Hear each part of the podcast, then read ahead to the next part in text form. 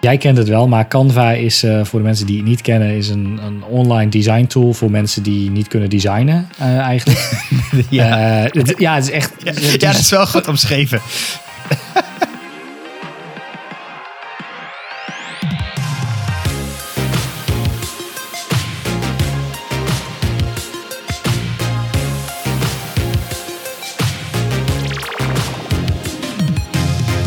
Welkom bij de Pixel Paranoia podcast. Mijn naam is Rick en samen met mijn co-host Michelle gaan we alles behandelen rondom UX, UI en frontend development. En dit is alweer aflevering 52, volgens mij. Ja, volgens Uh, mij ook. Waar, nou, en hij zit weer ramvol. Hij zit lekker vol. Dus uh, ik ben benieuwd of wij door alle onderwerpen heen komen of dat wij er eerder een einde aan moeten breien. Ja, deze aflevering wordt drie uur. maar laten we beginnen met, met een aside. Ja. Die wij, die wij denk ik over hetzelfde onderwerp Ja, ja, klopt, klopt, klopt. Wij, wij zijn allebei aan de slag gegaan met RSS. Uh, daar hadden we het in de, van de vorige aflevering. Ja, daar hadden we het in de vorige aflevering inderdaad al over. En uh, nou, jij gaf aan van, hey, uh, is, is RSS nou weer iets uh, waar we energie in moeten steken? Is dat, is dat wat? Is het, moeten we er weer, weer die kant op? En toen dacht ik, hey, is het niet leuk om ze, zelf een RSS-reader te maken? En dus te kijken van, nou, wat komt er nou allemaal bij kijken? Dus ik ben een, een, een projectje gestart. En uh, ik heb een, uh, in JavaScript een RSS-reader gebouwd. Um, die, waarbij ik een aantal feeds, of ik kan gewoon feeds opgeven. En die bewaart hij in local storage. En die kun kan ik tags meegeven. En dan kan ik een beetje op tags gaan filteren en zo. Als ik iets over UX wil weten, dan zie ik al mijn UX-feeds door elkaar. En dat heb ik gebouwd met Alpine Yes. Dat was wel leuk. Of Alpine. Nice. Alpine, whatever. Alpine, ja. Uh, daar hebben we volgens mij hebben we er al een keer over gehad. Nou, we hebben het er kort over gehad, maar ik heb het nu inderdaad bij uh, één project ben ik het bezig om het te gaan gebruiken. Maar het is, laten we zeggen, als je frontend van de frontend developer bent en je wil dus JavaScript, uh, je schrijft wat JavaScript om minuutjes open en dicht te klappen en wat ja. area expanded dingen te toggelen en nou misschien nog wat iets complicatere uh, dingen, dan ben je heel vaak dezelfde code aan het doen. Van hey, als ja. je de, eigenlijk moet je altijd hetzelfde doen. Als je er buiten klikt, moet hij sluiten. Als je op escape klikt, moet hij sluiten. Als je ergens op klikt, dan moet je een, een class erop zetten en eraf halen. Ja, ja dat doe je telkens opnieuw, opnieuw voor alles wat je maakt. Um, Alpine heeft dat eigenlijk allemaal uh, in zich. Het is een soort van, ja, ik, ik wil het haast tailwind-style uh, JavaScript noemen. Dat je zet. Uh, ik, op... ik, ik denk dat het wel goed te vergelijken is met Vue. Daar ja, lijkt Vue, het heel ja. erg op. Maar dan mini, mini, mini, mini. Ja, ja, je zet inderdaad op de elementen zelf zet je uh, een, aantal, een aantal properties. die beginnen met een X. En daar kun je dan dingen aan elkaar koppelen. En dus als je ergens op klikt, dan zet hij een boolean op true of false. En op een andere plek check je of die boolean op true of false is. En dan ja. gaat iets open of dicht of zet hij er een class op. Um, dus je hoeft eigenlijk geen, daarvoor in ieder geval geen custom JavaScript meer te schrijven. Nee. Voor de hele basis dingen. Er zitten wat uh, focus traps zitten standaard in. Dus um, je geeft gewoon letterlijk op een menu, div, weet ik veel, whatever jij uh, een focus in wil zetten, een model.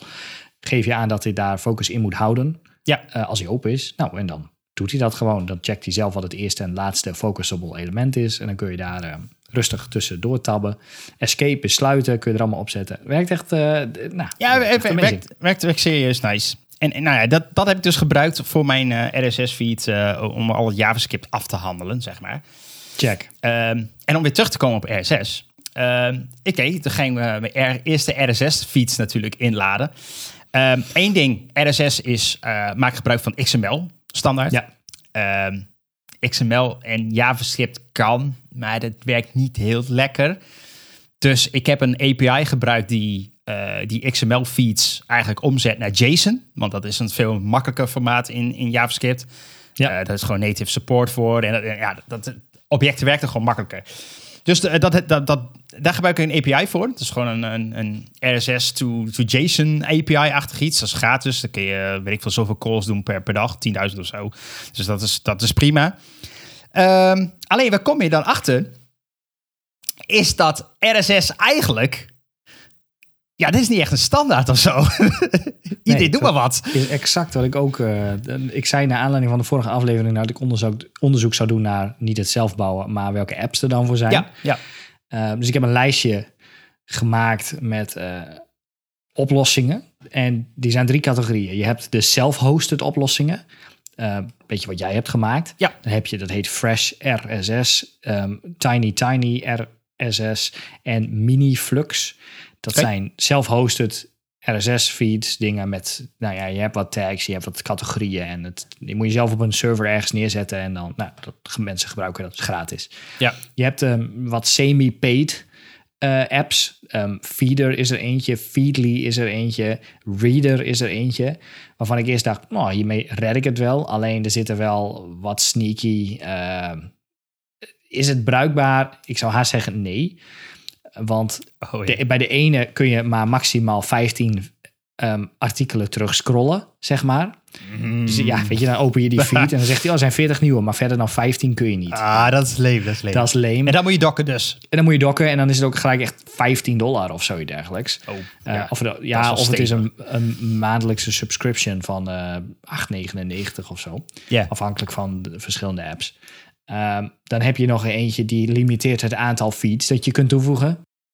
Eh, dus dan kun je maar een, een 10, 20, 30 feeds toevoegen of zo. Nou ja, als je één ding volgt, dan zou dat nog kunnen. Maar ik liep al heel snel er tegenaan van, meh, zit ik daar Ja. weer op te, te horken. Ja. Ehm, en dan heb je volledige paid, alleen maar paid eh, dingen. Feedbin en eh Leaf is ook een andere eh, RSS-reader. Ja. Maar goed, eh, ik, had, ik heb eentje getriald eh, voor 30 dagen. Althans, ik zit nog in die trial. Ik heb die feeds toegevoegd ehm, waar, ik, ehm, waar die ik graag wilde volgen. En het mooie was, er zat ook een soort van database achter. Dus je typte gewoon een naam in van iemand. En dan vond hij zelf al die feed als iemand anders hem ook heeft toegevoegd, zeg maar. Oké. Dus Oké, je hoefde niet wel alle RS-links toe te voegen. Je kon gewoon zoeken op oh, die en die en die en die. Oh, en dan oké. voegde ik dat allemaal Dat toe. En je kon ook subscriben, dus inderdaad op ehm, browsers en zo. En dan kreeg je nou, van alles daarvan. Ja. Alleen dan trek je, zit je gelijk weer over je limiet heen, want dan trok je gelijk hoeveel feeds binnen. maar dan inderdaad open je die feed en dan ben je daar lekker aan het inscrollen. En dan loop je tegenaan waar jij ook tegenaan liep. De helft van de feeds toont alleen maar een afbeelding of één alinea tekst of, of iets Ja. dergelijks. Ik dacht, ik ga naar die app, ik open die app en in die app kan ik al die artikelen lezen. Nee, het is letterlijk een, een, een, een lijst en dan moet ik alsnog doorklikken naar de site. En dat zit niet onder een makkelijk knopje met open site of zo. Dan moet ik echt weer een of ander minuutje en dan moest ik die link openen. Oh, ja. Dus dat was weer een beetje horky. En dan ja, zit je op die website, moet je dat artikel lezen, dan moet je weer terug en moet je het markeren als gelezen. Ja. En als, meh, nou, ik, ik ben, eh, ik, ik snap waarom het dus niet meer. Nee, het is wel, ik wel erg jammer. Want ja, ja wat, ik, ik, kwam dus, ik, ik heb dus echt naar de feeds moeten kijken. En ik had al een paar feeds geïmplementeerd. De ene feed die heeft... Nou, iedereen levert eigenlijk wel een titel. Oké, dat doet iedereen wel. Dan heb je de description. Nou, bij de ene levert dat echt gewoon een A4 aan tekst op. Maar de andere zet daar of niks in of één regel. Ja, Dus daar kan je dan niet zoveel mee. Nou, daar zitten er wel vaak links bij, inderdaad, voor het volledige artikel waar je dan naartoe kan linken. Nou ja, dat, als je het zelf bouwt, dan kun je dat op een handige manier natuurlijk wel erin verwerken. Wel afbeeldingen, soms geen afbeeldingen. Ehm, wat ook wel interessant is, dat sommige hebben description hebben gewoon als plain text, maar sommige die flikken daar gewoon HTML in. ja. En dan is het ook niet echt hele mooie HTML, heb ik al gezien. nee, Met dat, 10.000 eh, die, BR'tjes en... en oh. die afbeeldingen die, die miste, had ik ook al gemerkt. Dan lees ik een artikel en denk waar gaat dit over? En dan open ik de website origineel en dan staan er dus dikke vette infographics tussen, Ja, zeg maar. ja. eh, die dus niet worden ingeladen. En dacht ik, nou, dat is... ja. Ja, dus dit, dit, dit is. Ja, ik snap wel inderdaad waarom dit, niet, waarom dit een beetje doodgebloed is. En ja, er is gewoon geen standaard eigenlijk. Er is wel een soort van standaard, maar ook weer niet, zeg maar. Nee, Eh, dus dat, dat maakt het eigenlijk een beetje bagger en, en slecht bruikbaar. En ik, die tools waar je dus voor moet betalen, hebben heel veel fixes al gedaan, denk ik. Om het er eh, redelijk oké is uit te laten zien waarschijnlijk. ja, dat wel. Alleen als er geen data is, hebben ze ook niks om te Nee, tonen dan hebben ze het ook niet. Dus, dus ja, het is niet zoals als ik, ik had een beetje verwacht dat het zoals ehm, eh, de podcastwereld zou zijn, zeg maar. Hè, dat werkt ook via die RSS-feeds eigenlijk. Dat is eigenlijk ook een soort Ook RSS-feed. niet heel consistent. Want Niet super consistent, maar wel hebben- consistenter volgens mij dan, ja, dan, dan dit. Check. Maar- Nou, dus dat, nou ja, ik had ook nog de, ik, ik was ingelogd in een van mijn oude accounts. Ehm, die ik ooit gebruikt heb. En vraag me niet hoe of waarom, maar ik was echt gesubscribed op iets van 800 feeds of zo. Ehm, dus die had ik geïmporteerd in, in, in alle nieuwe readers die ik ging proberen.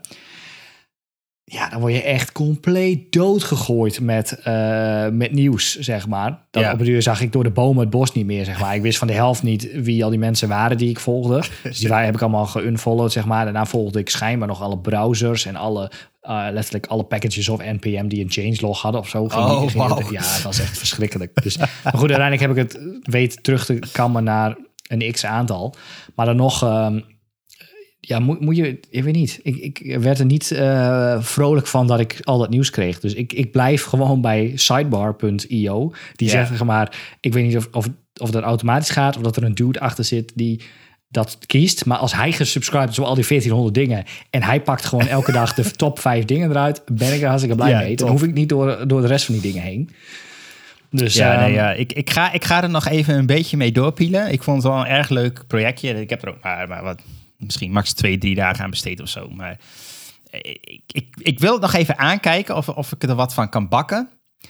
Maar ik ben inderdaad bang van, van, eh, van niet. En dan eh, moeten we terug naar, eh, naar de Twitter, de Mastodons. En, Ja, ja die, die Reader-app die ik dan nu trial, die best wel duur is, maar je kunt hem 30 dagen gratis gebruiken. Die, ja, die mensen hebben een app gebouwd waar je alles in kunt samenvoegen. Dus je kunt er RSS-feeds in toevoegen. Maar je krijgt ook een e-mailadres waar, waarin je je kunt subscriben op nieuwsbrieven. En die komen dan ook daar binnen. En je kunt je ook nog subscriben op van alles en nog wat anders. Je kunt ook een Twitter-feed koppelen, zeg maar. Oké. eh, op een bepaalde Oké. hashtag of zo. En dat komt ook als tweets binnen in je hele grote gemixte inbox. En dan kun je per artikel kun je dingen ehm, doorschuiven naar read later. Dat zit er ook in, zeg maar. Ja. Eh scene en nou, favorite en weet ik veel. Alleen ik heb het idee dat er echt veel te veel dingen in die app zitten. Ehm, zelf konden zijn, je kunt alles met die app. Ja, dat klopt. Het is inderdaad en een, een, een, een soort van Evernote, Get Pocket, eh, read later ding. En een RSS-feed en een mailbox subscription. Dus ja, maar- oké. Ja, dat, dat snap ik wel dat ze daar flink geld voor vragen natuurlijk. Maar, eh, maar ook een Ja. beetje over, overweldigend of zo. Het eh, moet zeggen, de app ziet er solid. De website ook trouwens. ziet er super netjes uit. Mooie animaties. Allemaal super gestroomlijnd. Eh, allemaal keyboard shortcuts en zo. dergelijke. Die Oké. hele app schijnt zonder muis gebruikt te kunnen worden. Dus je kunt alles tabben en eh, Cool. met shortcuts op je toetsenbord eh, handelen. Maar ehm, mij iets te veel, Ja, was mijn conclusie. alright. Dus dat was dat over RSS. Mijn volgende ding was dat ik zag dat eh, Outlook geüpdate is. Outlook voor Windows, Outlook voor Mac. Outlook, je kent het wel, het mailprogramma voor als je bij een organisatie werkt of ooit een keer een Office abonnement hebt gehad. Maar ehm, die hebben ze eindelijk geüpdate dat die nu de render engine voor het renderen van je mails gebruikt van Microsoft Edge in plaats van Microsoft Word. Ja, eh, misschien wist je het niet, maar eh, Outlook gebruikt al sinds jaar en dag de render engine van Word Ja, ja. om HTML te renderen. Vandaar dat alles in Outlook altijd super bagger was en je daar alleen maar met tables kon werken en de, bijna geen CSS. Het was allemaal kut met peren. Ehm, maar goed, ze hebben gebruiken nu de render engine van Edge, eh, wat gelijk een extreme upgrade is. Dat je dus nu eh, diffs kunt gebruiken en je kunt Flexbox gebruiken, eh, deels. Niet nog ho ho, niet alle properties natuurlijk, maar een deel. Je kunt ehm, een style tag gebruiken, eh, zodat je geen inline styles meer hoeft te gebruiken. Sterretje. Nou ja, allemaal van dat soort eh, dingen. En toen vertelde ik dat aan jou. Toen zei hij, ja, dat is leuk. Maar eh, iedereen heeft nog een Office 2003, Ja, ja. 10, ja. 16, 17, eh 19 eh, abonnement. Gewoon buy it for life, Outlook, weet je, ja. if it works. Niet iedereen heeft Office 365 met een ever-changing, updating Outlook. Dus Nee. het duurt nog wel even voordat we Nee, en ik, ik zag ook... ehm, gebruik van kunnen maken. Eh, nou ja, en, en we hebben ook nog, dat, vind ik ook, blijf ik raar vinden. Maar bijvoorbeeld de Gmail client, dat is ook een enorme rare mail client die, die ook heel veel dingen niet support. Dat is ook echt een bagger client, zeg maar. Klopt. Dus ik, ik weet niet waarom eh, die lui daar allemaal voor gekozen hebben. Dat, ik, ik vind dat zo raar. Dan heb je een, een, een HTML-standaard waar iedereen maar bovenop zit. We maken browsers waar iedereen bovenop zit. Maar dan gaan we de mailstandaard op een heel andere route eh, laten gaan, zeg maar. Ik, ik vind dat echt heel gek. Ja, nou, ja. Waarom, waarom dan? Ja, misschien komt er een interop voor, eh, voor mails. nou dat zou... eh, ik, ik denk dat er heel veel mensen daar heel blij van worden. Ja, Ja, dus- nee, dus- inderdaad. Gmail die heeft ook een rare render engine. Dat, eh, dat mailtjes die naar Gmail-adressen worden gestuurd, die, die hebben meer, kunnen meer aan dan mailtjes die eh, Ja. worden doorgestuurd. Ja. Dat soort, eh, als je voor, dingen inderdaad forward, dan, dan sloopt hij van alles ook weer aan je mail en zo. En daar had trouwens Outlook ook altijd een, een handje van. Ja, Maar ja, ma- mail blijft gewoon even, blijft gewoon bagger. En dat is echt al, al, al, nou ik wil zeggen bijna 20 jaar zo. Ja, Ja. dat is ook echt al 20 jaar zo. maar de, de, nieuwste versie van Outlook gebruikt nu geen nice. eh, render engine Word meer. Dus je kunt daar nu ook... Ik ben, ik ben en benieuwd of die, die, die Office pakketten, of die ook end of life raken of zo. Ik, ik weet het eigenlijk helemaal niet. vast, maar ik heb er vroeger geld voor betaald. Ja, dus nou ik ja, zal het blijven gebruiken. Kijk, eh, je, je kon inderdaad volgens mij tot Office, wat is het? Eh, Nou, wat de laatste, 2017 of zo is de laatste echt als een, als een los pakket, zeg maar. Ik heb, ik heb Volgens mij idee. kun je die echt nog als los pakket kopen, zeg maar. En dat had je inderdaad, wat jij zegt, een lifetime license. En dan, eh, nou ja, Ja. wie doet me wat, zeg maar. Dus, de- dus, eh, dus dat is de... Cool. een main. Ja, ja, main. Ik, ik heb niet echt een. We hebben niet dingen in één hele grote main, maar ehm, ik, ik, ik, ik zit hier al, al, al, al een tijdje over, eh, over na te denken. En, en we hebben er ook al eens een keer met, eh, met Sander, eh, zat in onze aflevering, hebben het ook al een beetje over gehad. Over UX en UI, inspiratieachtig op social media. En, en wat we daarvan vinden. En mijn mening is eigenlijk wel een beetje dat dat een beetje dood is. En dat klinkt een beetje, beetje, beetje hard misschien, maar ja, ik, ik vind het allemaal. we, we hadden vroeger een, een aantal sites waar je goede inspiratie wel, wel of, ja, goed, hm, tussen haakjes goede inspiratie moet halen. Moet altijd wel een beetje korreltje zout nemen. Maar we hadden bijvoorbeeld Dribbble. En dat hebben we nog steeds, maar daar kom ik zo op. Ehm, Ehm, je hebt Behance van, van Adobe. Dat was vroeger niet van Adobe, maar vroeger was het een ap- apart platform. En wat, wat cool was aan, aan Behance is dat het wat breder was dan alleen maar web. Eh, Het deed ook print en, en huisstijlen, logo, design, alles zat erop, zeg maar. Zelfs animatie, geloof ik.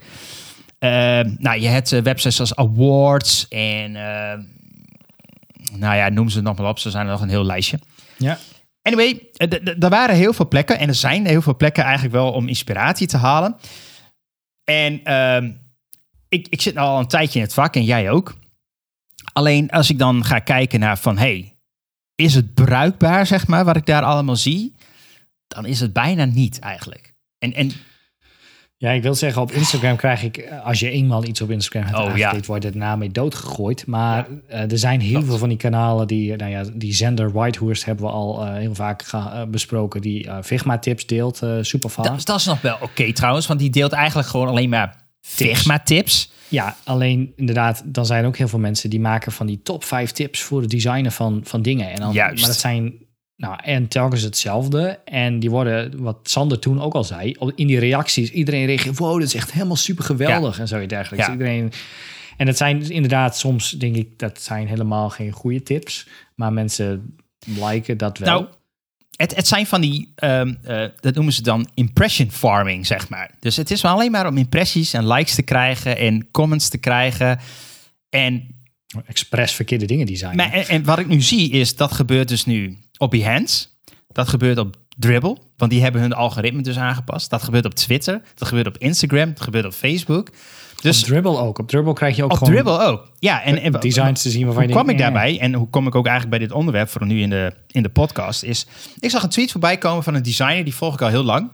Die werkt eh, voorheen bij eh, Fantasy Interactive. Dat is een, een webbureau uit San Francisco. En volgens mij zit er nog een aantal plekken. Heel tof webbureau, die volg ik al jaren. En dat nou, maakt echt geweldige dingen. En die waren ook aanwezig altijd op Dribble. En een van die designers, die had...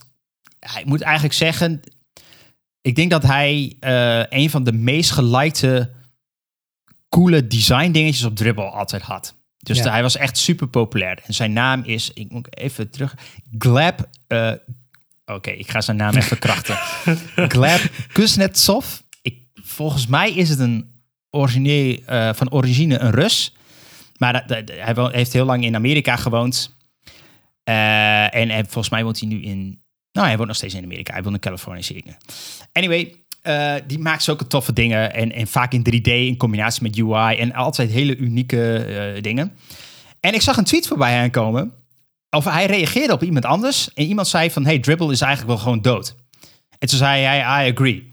En ik denk, wow, wow, wow. Hij zegt dat, want hij zegt, zeg maar, altijd stond in de populaire lijstjes van Ja. waar je ook maar op zocht. Zocht je op een, weet ik veel, Zeven- mobile 700 design. dingen, 700 dingen op, op Dribble staan. Oh, wauw, 700, dat kun je nagaan. En, en hij heeft eh, eh, volgens mij, eh, ik zag laatst een tweet van mij, hij heeft al vier- 27 van die Webby Awards eh, of zo gewonnen.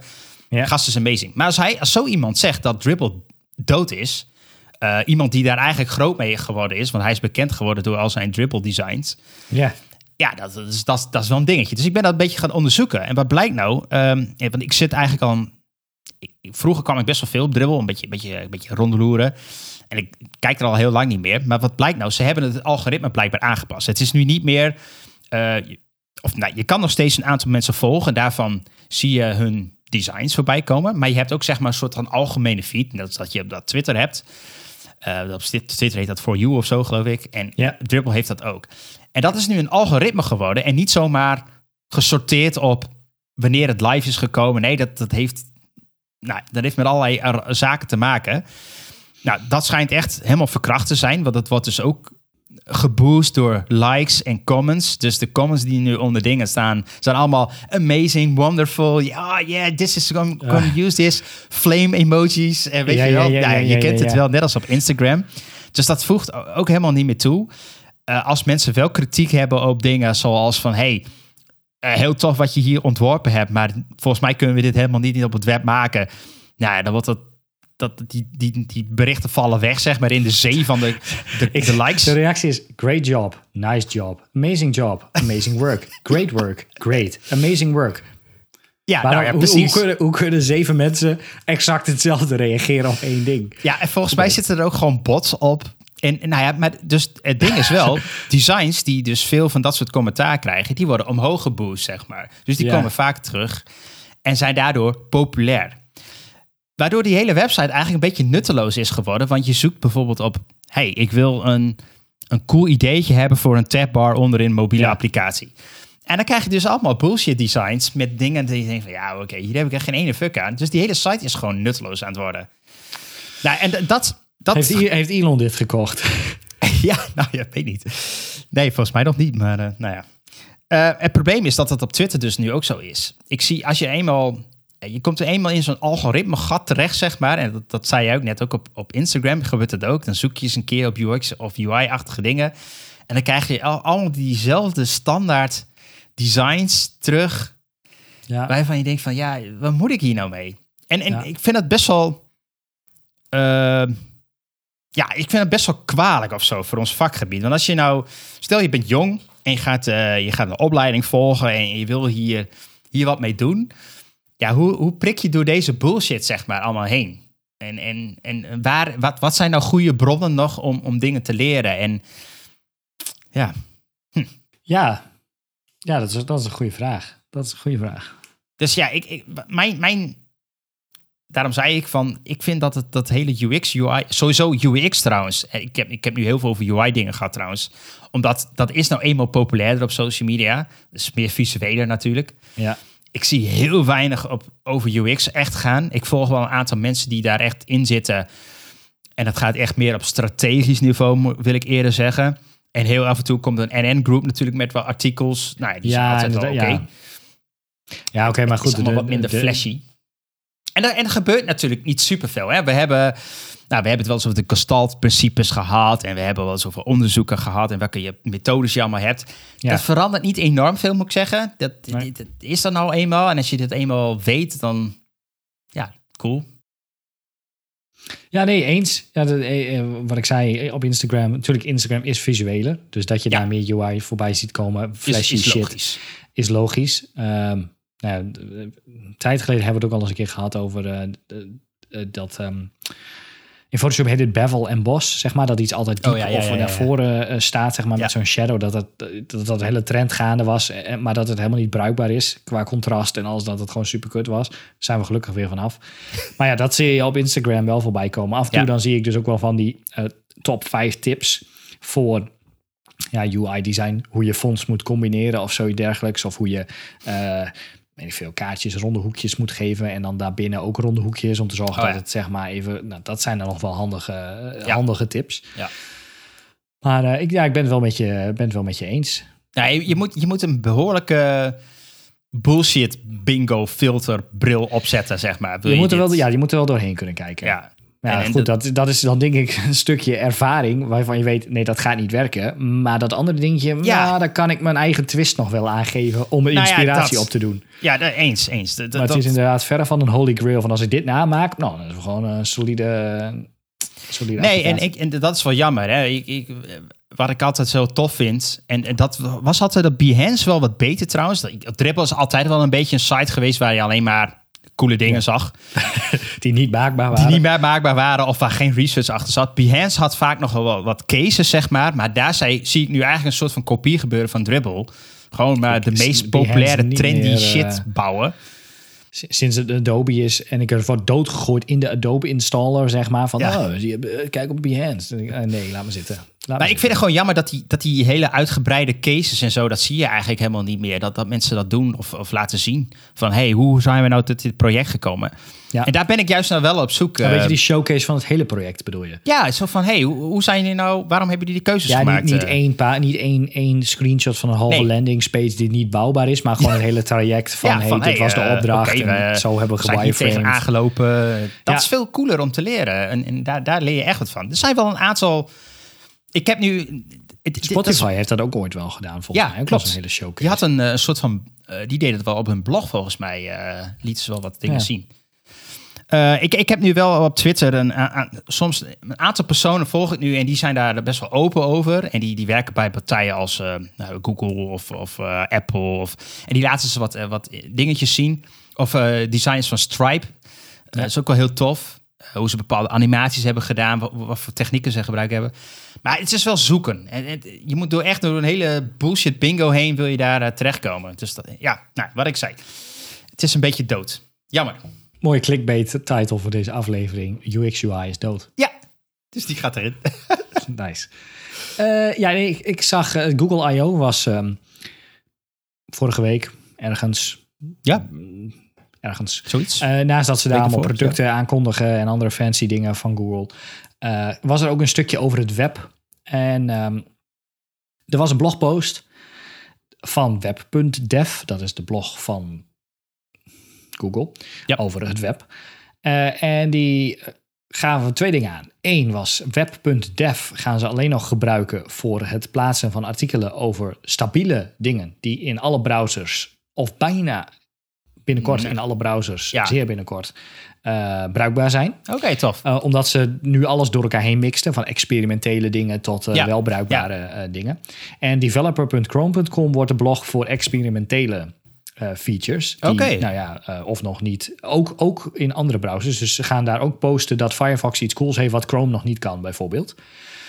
Vond ik wel, uh, Ja, vond ik wel omdat ze met z'n allen zeg maar willen naar die, nou, die interop, die interoperable waar we het al over gehad hebben. Dat Ja. uh, alle browsers op hetzelfde niveau komen en blijven wat betreft uh, features. Het bruggetje waar ze dan heen willen, is dat ze iets in, hebben geïntroduce geïntroduceerd um, met z'n allen. Dus dan hebben we het over Firefox, over Chromium, over Safari um, en Edge. Uh, dat ze, ja, Chromium. Uh, dat noemen ze baseline. Uh, dat gaan, hebben ze geïntroduceerd. Dat staat nu ook al op, uh, op MDN. Uh, als je nu zoekt op een, op een feature, een CSS-feature, een JavaScript-feature of iets anders wat in je, met je browser te maken heeft, dan staat erbij of het in de baseline zit. En Hey. wat is de baseline? De baseline is, ehm, hoe moet ik het uitleggen? Op het moment dat alle browsers en alle voorgaande versies van browsers een bepaalde feature supporten, Mhm. dan is het onderdeel van de baseline. Oké. En uh, daarmee willen ze eigenlijk ja, het voor iedereen makkelijker maken. Voor uh, projecten, maar ook voor als jij werkt aan een library of iets dergelijks. eh, of een tutorial dat je kunt zeggen dat het werkt in baseline. Bijvoorbeeld Ja, als je nu een project voor een klant, wat grotere klant gaat doen, dan ga je afspreken, ja, welke browsers ondersteunen? Ja, de Ja. laatste drie versies. Ja, Maar ja, wat valt er dan onder de laatste drie versies? Want ja, je kunt wel dat gebruiken, maar dat werkt dan weer niet in die versie van die Oh, browser. zo. Dus ja, is het dan. ja, ja, ja. Dus dan, nou, Dus nu dat- kun je gewoon zeggen van, hé, hey, ik, wil, ik wil de baseline gebruiken. ja, je kunt gewoon inderdaad nu tijdens je project zeggen: eh, dit project moet support hebben voor de baseline. En dan betekent dat je Dat dus nou, geen features kunt gebruiken die niet in de baseline zitten, eh, die dus niet in alle browsers beschikbaar zijn.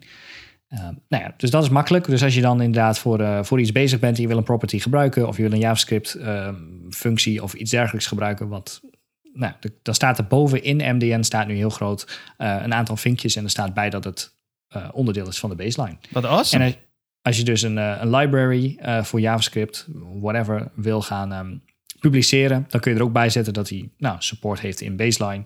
En als je een tutorial schrijft over iets, eh, dan kun je er ook bij zeggen, als mensen dan die tutorial lezen, eh, dan weten ze van, oh, dit werkt gewoon in, in alle browsers. Ik hoef hier geen bijzondere browserversie versie voor te hebben. Het is gewoon widely, eh, widely supported. cool. Dus dat eh, is, ja, dat is, eh, zijn ze mee bezig om eh, samenwerking tussen Chrome, Edge, Firefox en Safari. Ehm, om ervoor te zorgen dat ehm, de requirements van je website niet, niet ja, vast blijven in het verleden met bepaalde browserversies, maar gewoon eh, mee, kunnen, eh, mee kunnen gaan. Ik ben eh, heel benieuwd wanneer we dit gaan zien in aanbestedingen. nou ja, dat kunnen we redelijk snel doorvoeren. Van u geeft aan de laatste versies. Nou, kunnen we dan gebruiken Kunnen we dan gebruiken van de baseline? Ja, Ja, precies. Ah, Ja. Wat tof. En dan zeggen ze, ja, is goed. Nou, dan weten we precies wat we, wat we wel en niet eh, kunnen gebruiken. Ja, awesome. Dus dan, dus dan weet je ook gelijk van, ja, kan ik wel of niet grid gebruiken? Ja. Want iOS zoveel heeft het niet, maar die heeft het wel. Nou, dan kun je gewoon zeggen, ja, een baseline, top, kunnen we gewoon gebruiken. En als er dan Super iets failt in een bepaalde browser of zo, dan kun je zeggen, nee, weet je, we gebruiken de baseline. Ja. Cool. Heel goed nieuws. Ja, Wauw. dus dat is, eh, dat is nice. En dat brengt mij dan gelijk weer naar een ander bruggetje. Want ze hadden ook een post geschreven over toffe shit die niet in de baseline zit. Eh, maar er binnenkort wel, eh, nou binnenkort, je weet niet wanneer het in de baseline komt. Maar goed, waar ze mee bezig zijn. Eentje is text wrap balance. Die hebben we al wel eens Ah. behandeld. Text wrap balance voor CSS houdt in dat als jij tekst hebt wat over meerdere regels gaat. Dus bijvoorbeeld, je hebt, eh, weet je, dat zie je vaak op in die dribble designs. Dan heb je, heb je een hero, een mooie foto bovenin. En er staat een stuk tekst staat daarop. En die tekst die breekt na een paar woorden precies af naar de volgende regel. Ja. En dan staat het mooi uitgelijnd onder elkaar, zeg maar. Maar ja, dan ga je dat bouwen en denk je, ja, moet ik er dan een, een breedte op zetten, ja. zeg maar, dat die afbreekt. Maar hoe zorg ik ervoor dat die afbreekt naar exact dat woord? Ja, met een BR'tje, maar dat is lelijk. Eh, met text wrap balance kun je gewoon zeggen: hey, als deze tekst over meerdere lijnen wrapt, 1, 2, hoeveel, eh, zorg er dan voor dat de woorden gelijkmatig verdeeld worden. Dus hij wrapt het niet meer van: oh, dit ene woord past er niet op, die gaat naar de volgende regel. Nee, dan Nee. rapt hij er gewoon twee woorden, zodat Ja, dat het echt wel top. mooi is. En de designer die heeft ergens halverwege de zin enter gedrukt. En Ja. Het ziet er mooi, mooi gebalanceerd uit. Exact. Maar nu kan het ook in C6. Of, nou ja, Precies. in binnenkort. de- binnenkort. is nog geen onderdeel van de baseline. Eh, dus dat is text wrap balance. Eh, het tweede is eh add scope. Aapstaartje scope. Eh, wat inhoudt dat je styles kunt scopen tot een bepaalde class. Wat handig kan zijn, dat kun je dus in je project meerdere keren de class title gebruiken. Maar dan kun je de styling voor title bijvoorbeeld scopen tot punt card. Hey, Dus dan stijlt hij alleen de title binnen een card. dat is wat eigenlijk hetzelfde als dat je punt card, punt title doet. Ja, maar ja. nu kun je het gewoon scopen. Dan kun je het gewoon, hoef je niet te nesten, zeg maar. Zijn ze mee bezig? Kan handig zijn. Ja. Ehm, anchor positioning. Zijn, is ook iets waar ze mee bezig zijn. Anchor positioning. Ehm, voor mensen die wel eens van die tooltips hebben moeten maken of hebben gemaakt. Als je met je muis ergens overheen gaat over zo'n i'tje, dat er zo'n pop-upje komt met tekst. Ja, dat is leuk. Kun je absoluut positioneren of zo. Staat hij erboven of eronder. Alleen het probleem is, ja, maar wat als die je scherm kleiner is of minder hoog en die tooltip staat hij dan buiten beeld of Ja, staat ja. Die, steekt hij links uit, rechts uit. Verschrikkelijk. Nou, daar heb je Popper JS voor. Die rekent dat allemaal voor je. Die kijkt hoe groot is dat pop-upje wat ik moet tonen. En dan heb ik daar ruimte voor. En dan, nou ja, ja, ja. Ehm, daarvoor eh, zijn ze nu bezig met eh, het uitwerken van de spec voor anchor positioning. Ehm, wat inhoudt dat je met CSS kunt aangeven eh, of iets, ehm, ja, eh, moet, eh, je, je geeft een parent op van de anchor. Ja. En je geeft het eh, element zelf, eh, ehm, geef je op, die kun je aan elkaar koppelen. Een beetje net als, een, net als dat je een form field koppelt aan een, ehm, eh, aan een label. Ja. Zo kun je dus een, een tooltip koppelen aan een container. En dan kun je vervolgens aangeven wat de preferred ehm, pop-up kant is. Boven, onder, links, rechts. En als dat niet past, waar die dan moet uitwijken. Of dat hij dat automatisch moet gaan doen. Dat is wel dik. Ja, dat is, dat is wel cool. Zijn Dat scheelt wel echt een bak met code om zelf te doen. Ja, ik wil dat je nu voorlezen. Alleen de developer.chrome. eh, Ja, die ligt plat. Die ligt plat. Dus eh, dat kan ik helaas niet. Nou ja, eh, ik, wilde de, de CSS-specs er even bij pakken. Maar goed, je kunt het aan elkaar koppelen dan. Zijn ze mee bezig. Kan handig zijn voor eh, pop-upjes. En het laatste waar ze mee bezig zijn... en wat al in een welgevorderd stadium is het select menu. Eh, hebben we het ook al wel Ja. over gehad, twee jaar geleden. Ja, ja, ja. Ehm, dan zijn ze bezig met Open UI, wat ook weer Oh, een samenwerking is van verschillende browsers. Maar het select menu, ehm, daar zijn ze nu bezig met, begonnen met de implementatie in Chromium. Dus dat is niet Chrome, dat is Chromium Development versie. Yes. En het select menu is ten opzichte van het select element, wat je nu kent in Ja. HTML, van een formulier. Is het select menu, kun je, geeft je de volledige vrijheid om ehm, alles te stylen. Dus ook de opties die nu niet stijlbaar zijn. nee. Ja, dat Eh, uitklapding en zo. het en uitklapding zelf kun je, dan, kun je dan wel helemaal stylen op een toegankelijke manier. In plaats Ja. van dat je nu dus moet gaan kutten met diffjes en hidden selects en weet ik het allemaal. Ja. Kun je dan, eh, kun je dan gewoon het hele ding stylen. Nou goed, zover is het nog niet. Ze zijn nu bezig met een implementatie. Dus tot dusver hippe dingen die niet in baseline zitten. Nice. Cool. Nou, heb ik weer een bruggetje op jou, want je had het over eh, Google I.O.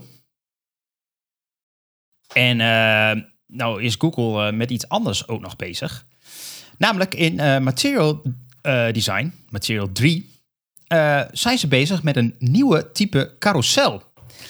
En eh, nou, carousels hebben we het al eerder over gehad. Of dat nou wel of niet een, eh, een goed element is om te gebruiken in Ja, websites. should I use a carousel.com? Ja, inderdaad.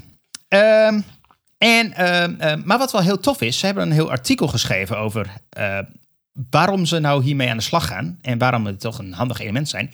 En ze hebben onderzoek gedaan bij eindgebruikers. Dus dat is wel, wel cool. Verblijd Eh, mij. Sorry? Verblijd mij. Of verras mij. Ja, nou ja, wa- wat ze gedaan hebben is, ehm, ehm, ze hebben gekeken van, hey, kunnen wij een carousel maken die eh, intuïtief aanvoelt, maar ook een, ja, een moderne uitstraling heeft, zeg maar, die ook gebaseerd is op de nieuwe Material 3 Design Language, om het maar zo te zeggen. En ze hebben eh, eh, twee typen onderzoeken uitgevoerd. Ze hebben een kwantitatief en een kwalitatief onderzoek gedaan onder een eh, hele groep eh, eh, gebruikers. En ze hebben eigenlijk allebei soorten versies carousels getoetst, om het maar zo te zeggen. Dus carousels met eh 20 items, 100 items, die niet schalen, wel schalen, die opzij gaan, met tekst, zonder tekst, van alles en nog wat. Ja. En die hebben ze voorgelegd. En er komen een aantal punten uit die ik wel even uit het artikel wil halen. Want de meeste mensen begrepen hoe die carousel werkte. Dus dat er een, zeg maar een volgende en vorige is en dat je daar doorheen kan bladeren. En oké, prima. Oké. Ongeacht de werking. leeftijd. De werking, mensen snapten de werking. De werking. De werking was, eh, was eh, eh, prima. Ehm, en ze wisten ook, want ze hebben dus ook een verticale carousel en een horizontale carousel getest. Dus dat, nou, daar wisten ze ook het verschil in, hoe dat werkte, zeg maar. Dus dat, dat snapten ze. Ehm, de nieuwe carousels die zij ontwikkeld hebben, eh, daar waren, ze, waren de deelnemers positief over. En wat ze hebben gedaan is, ze hebben de gebruikers gevraagd om de carousels te rangschikken, zeg maar, in hey, eh, welke vind jij de beste, welke is de, daarna de beste, daarna de beste. Dus de, zo zijn ze huidige, achter de huidige carousels of de nieuw gedesigned. de nieuwe gedesignde carousels. Oké, dus ze hebben meerdere versies gemaakt. Ja, ze hebben heel veel versies gemaakt en getest en gedaan. En ze hebben de gebruikers gevraagd om die te rangschikken, zeg maar, op basis van eh, ja, hoe ze, of welke ze het beste vonden. Oké. En zo zijn ze dus een, eh, tot een aantal gekomen die, eh, die ze nu wel willen, die werkt volgens hen. Ehm, eh, maar wat wel belangrijk is, en, en dat is denk ik wel een grote, en dat is misschien ook wel een beetje een feedbackpuntje op uh, shouldIusecarousel.com. Ehm, want die website, die komt uit, die Carousel, die komt uit 2013, zag ik. Dus dat is al heel oud. En ik kan me toen nog wel die tijd herinneren, toen we inderdaad in uh, websites hadden we een hero en daar zat een carousel in. En in een hero, daar zit vaak een afbeelding in. Een soort van grote titel, pakkende titel. Met misschien wel een call to action button. Right? En eh, wat deden we? Of we. Wat er veel gebeurt, wat toen een trend was. We gooien dat in een carousel, want we hebben meerdere heroes. Ja. En dan kon je doorheen swipen en dan had je nog een titel met een eh, belangrijke call to action. Andere, ja, alle diensten. Alle diensten, alle, diensten. alle producten. Ja. Ja. Nou, en wat, wat, wat, ehm, eh, wat het idee daarvan is, is of, of wat niet handig is daaraan, is dat je al eh, je belangrijkste welkomstmat is zeg maar niet in één keer te bereiken. Dat zit ergens weg verstoppen in slide 3, zeg maar. Ja. Dus dat is, dat is niet handig. Maar je kunt een carousel wel op een andere manier misschien gebruiken. En daar hebben zij naar gekeken, is ook welke context kunnen we meegeven aan een carousel. Dus ze hebben het laten zien bijvoorbeeld ehm, eh, in de nieuwe foto's app van Google. Eh, die ken je Ja. vast wel. Ehm, daar heb je bijvoorbeeld eh, een hebben ze een carousel gemaakt van foto, de, de, de, een geselecteerde foto van deze week, een geselecteerde foto van vorige maand en een geselecteerde foto van vijf jaar geleden of zo. En dat zit dan in een carouselletje, zeg maar, en niet onder elkaar. ja. En in die context snappen ge- gebruikers prima van, oh ja, weet je, daar kan ik doorheen bladeren, dan ga ik door de tijd heen, zeg maar, en prima. Eh, dus niet zozeer als een navigatie-element, maar meer om door dingen heen te browsen, zeg maar. Door alsof je door een magazine heen gaat, zeg maar. Ja, oké. Oké, dus. ehm, en daar hebben ze dus een beetje onderzoek naar gedaan van hey, in welke context kunnen we nou wel een carousel gebruiken en welke eh, manieren werkt het niet. En mensen hebben ook aangegeven van hey, ja, in deze context vind ik het eigenlijk niet zo logisch. Als ze bijvoorbeeld heel erg diep moesten zoeken in een carousel voor een bepaald item wat ze zochten, dan vonden ze carousel erg onhandig.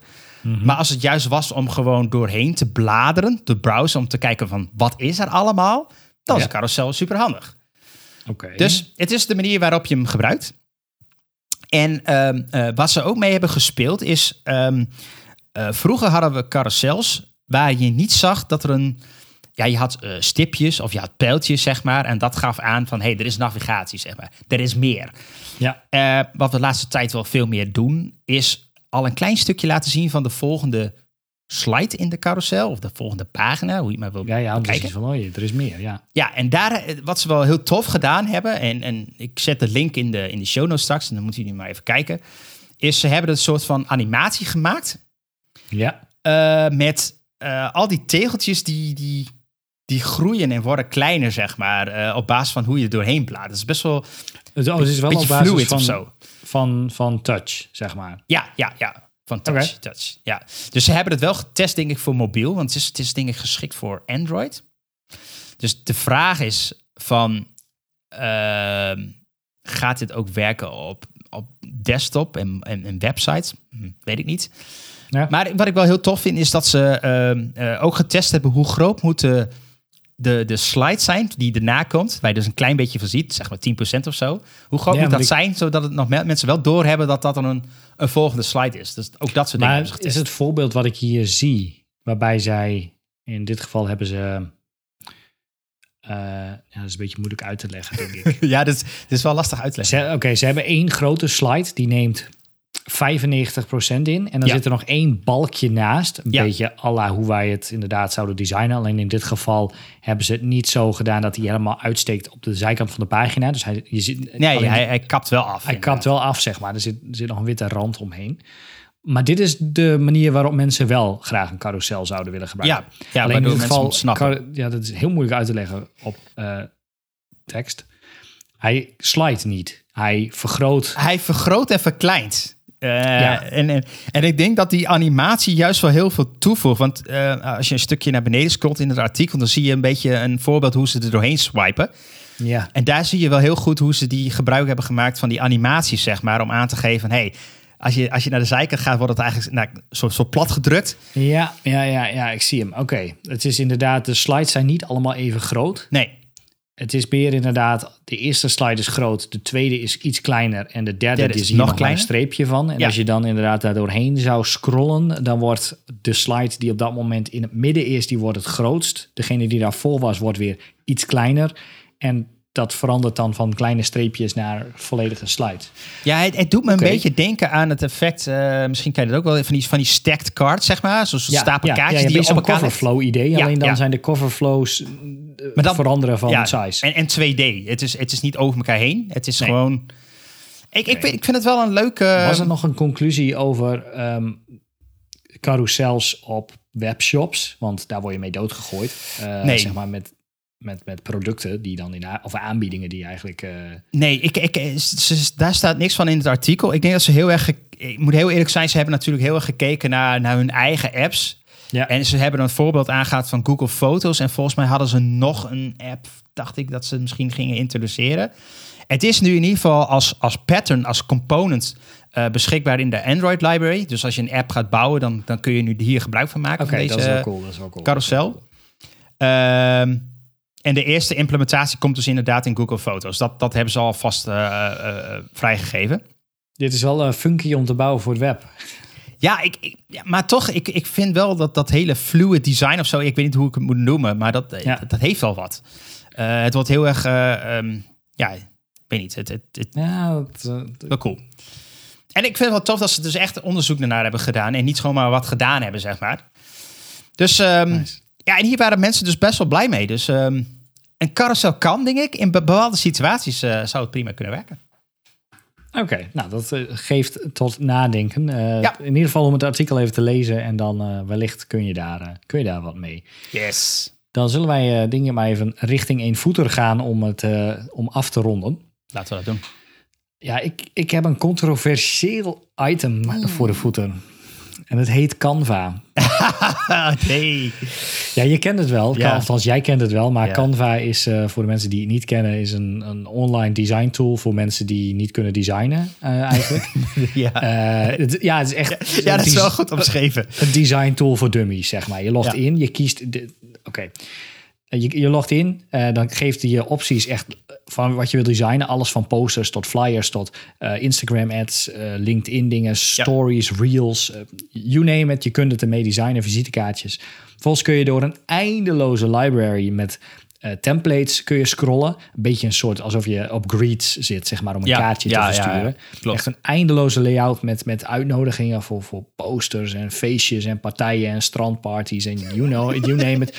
En er zitten best oprecht, er zitten best wel legit Ja, mooie designs tussen. klopt. En die kun je volgens gewoon aanklikken. Dan kun je in, dat, in de alle lettertypes die daarin zitten, kun je gewoon typen, zeg maar. Er zitten uitlijningstools in voor midden, Ja. centreren, allemaal van dat soort dingen. Ehm, maar goed, hoe kwam ik daar nou bij?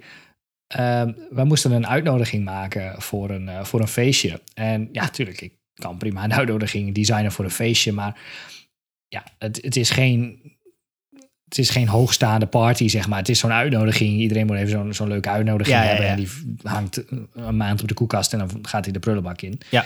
Dus ehm, we, ja, we waren een uitnodiging, we moesten een uitnodiging maken. En we dachten, ja, meestal doe ik dat dan Figma. Maar we dachten, weet je, fuck it. Ik, ik ga even op Canva kijken. Nou, scroll die library heen. En ik, oh, hey, that's not, that's not too bad. That'll work. nou, tekstje aanpassen. Nou, eh, andere tekst erbij slepen. Nog wat elementjes erin slepen. Dat soort dingen.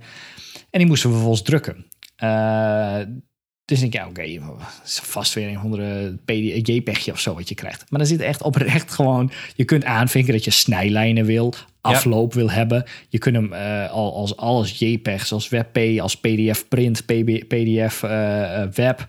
Eh, of je hem wil flattenen, of je de fonts wil includen. Echt de whole micmac, zeg maar. Alles wat je in InDesign en zo allemaal kan doen. Als je, als je echt drukwerk, CMYK kleuren en zo. Eh, Ja, klopt. Wat je allemaal, alles wat je nodig hebt. Dus er was letterlijk, nou, we hadden een template geselecteerd, tekst erin getypt, nou, nog eens een keer naar gekeken, een paar elementjes erop gesleept, afdrukken of opslaan. Ja, willen graag ehm, drukafloop erbij hebben, et cetera, et cetera. Nou, rolt er een pdfje uit naar de druktoko website, dingen uploaden. Helemaal top. Hij zegt, nou, goede resolutie, goede afsnijlijnen, 3 mm extra, CMYK, bam.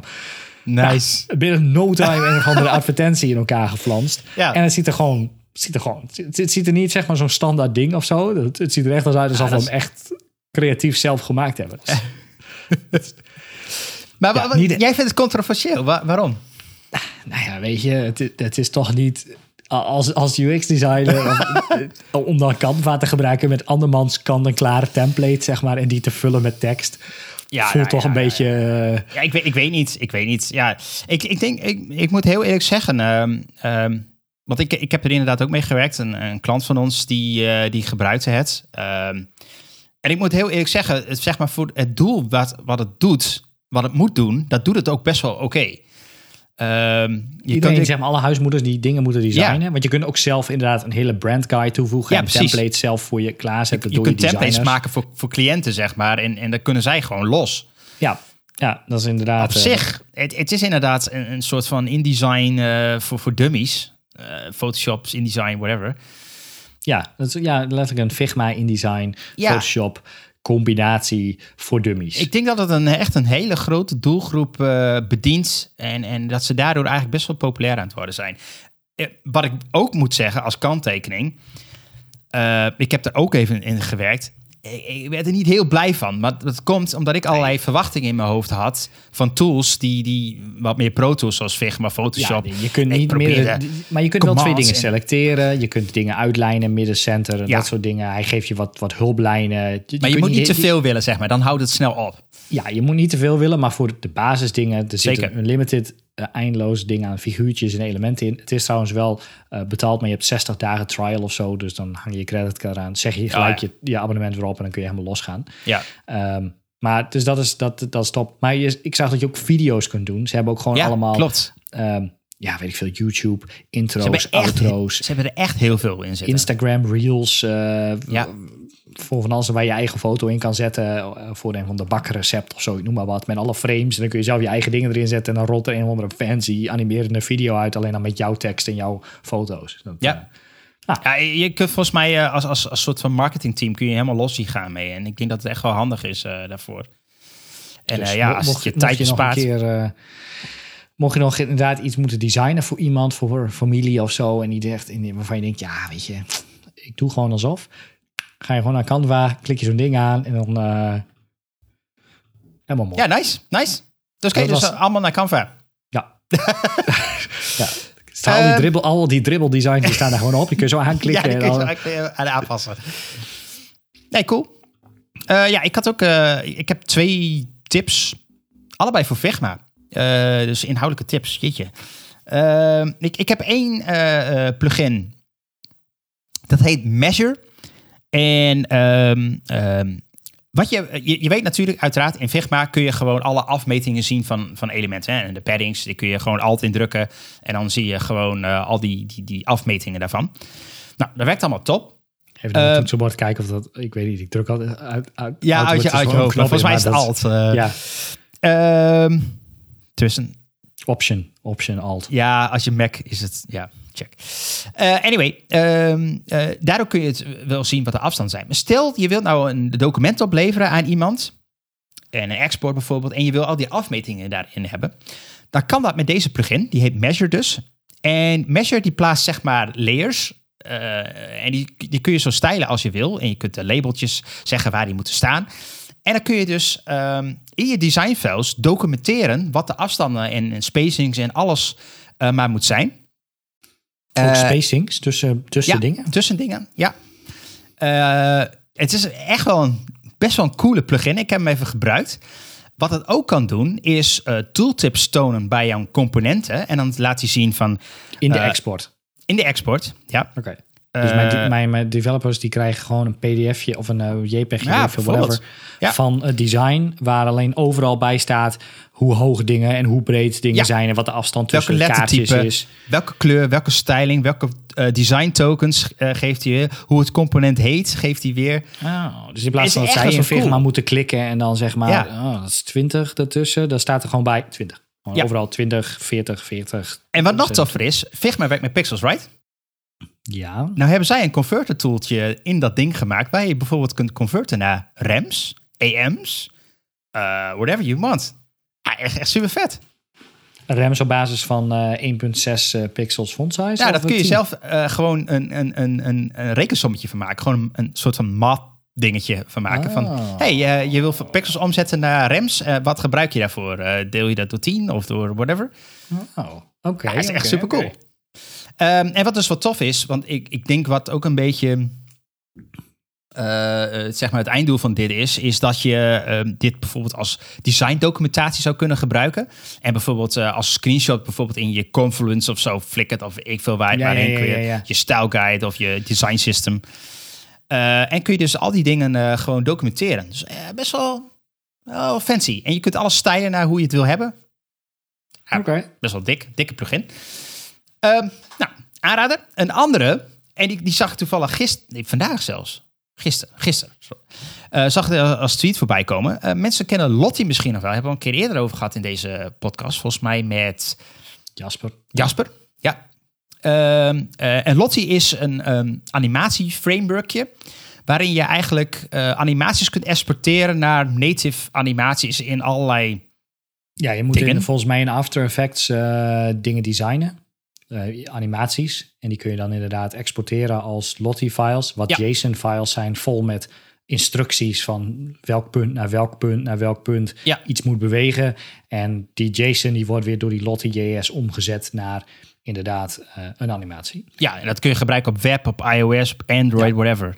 Eh, maar wat nu heel tof is, ze hebben een plugin gemaakt voor Figma. Dus je kunt nu in Figma animaties maken. En eh, daarmee Lottie-files exporteren. Dus dat is wel echt super dik. Ja, en hij heeft ook een soort magic eh, animator Ja. ertussen, toch? Dus, Ja. eh, dus stel je wil een, een hartje hebben en als je daarop klikt, een leeg hartje, en als je daarop klikt, dat, dat, dat er dan sparkles omheen Ja. komen en dat hij dan groter wordt en dan rood wordt. Ja, wat je, wat je kunt doen, en wat, wat nu sowieso al kan in, in Figma trouwens, is je maakt een, een component. ehm, en daar maak je meerdere varianten van. En tussen die varianten kun je zeg maar animeren. Ja. Ehm, nou, dat, dat kan. En, maar nu kun je dat principe ook gebruiken met Lottie. En je kunt in Lottie nog meer fancy effectjes toevoegen, zeg maar. Ja. Eh, en, de- en daarin binnen Lottie zeg maar de soort smart animate gebruiken. En dat werkt echt top. Ja, want die animaties die je in Figma heel mooi kan magic animaten tussen dingen, die zijn vervolgens moeilijk om na te bouwen in CSS en zo met, eh, met keyframes. Maar met Lottie kun je inderdaad dat, eh, dat wel, eh, wel doen. Dus dat geeft de echt dedicated Figma-users die ook Ja. nog animaties maken, of althans willen aangeven hoe animaties eruit moeten zien als je iets doet. Nou, dat is een kwestie van klik op de knop en Ja. hij werkt ook in de, in de HTML. Dus dat En is je wel, kunt, nice. wat, wat wel tof is, wat ik zei net, dus je kunt een component maken met meerdere varianten. Dus dat zijn eigenlijk een soort van lagen, zeg maar. Maar het is dus zelfs mogelijk om met eh, binnen één component, met één state, dan- ook al zitten daar meerdere layers in, die kun je dus ook laten animeren door, door Lottie. En door in de Lottie plugin aan te geven wat hij daarmee moet doen. heel dik. Heel dik, Heel ja. dik. Echt een heel toffe plugin. Dus dit, dit gaat eh, heel populair worden, denk ik. Ik denk dat zag iedereen op Twitter helemaal, wow, yes, eindelijk, finally. Ja, nice, cool. Ja, ik ben, en we het over al die plugins hebben voor Figma en Adobe dat heeft gekocht, hoop ik niet dat er straks een, ehm, een Figma store komt waar je eh, Nee, nee. Ik hoop dat het nog even zo blijft. kopen. Dus eh, nu ja, het is 9,99 euro per maand per plugin. Ja, Special price for you, my friend. ik hoop Dus, het niet. We gaan het zien. Nou, oké. Nou, volgens mij eh, hebben we alweer, eh, volgens mij hebben we ook alles behandeld eh, Ja. wat we wilden behandelen. Ja. Dus dan laten we het daarbij. Mocht je deze aflevering nou ergens luisteren, dan eh, kun je daar waarschijnlijk abonneren, abonneren op onze podcast. Dan krijg je een notificatie op het moment dat er een nieuwe aflevering is. Ehm, dat kan in iedere podcast-app zijn wij wel te vinden. Mocht je nou willen meepraten in de podcast, zoals een van onze eerdere gasten, dat kan ook. Stuur ons dan even een berichtje op, ehm, op Telegram, in ons Telegram-kanaal, Pixel Paranoia. Of eh, ga naar de website pixelparanoia.com en vul daar een formuliertje in. En dan komt er een mail onze kant op. Yes. En dan ehm, zeg ik tot de volgende keer. Tot de volgende keer. Doei. Hoi hoi.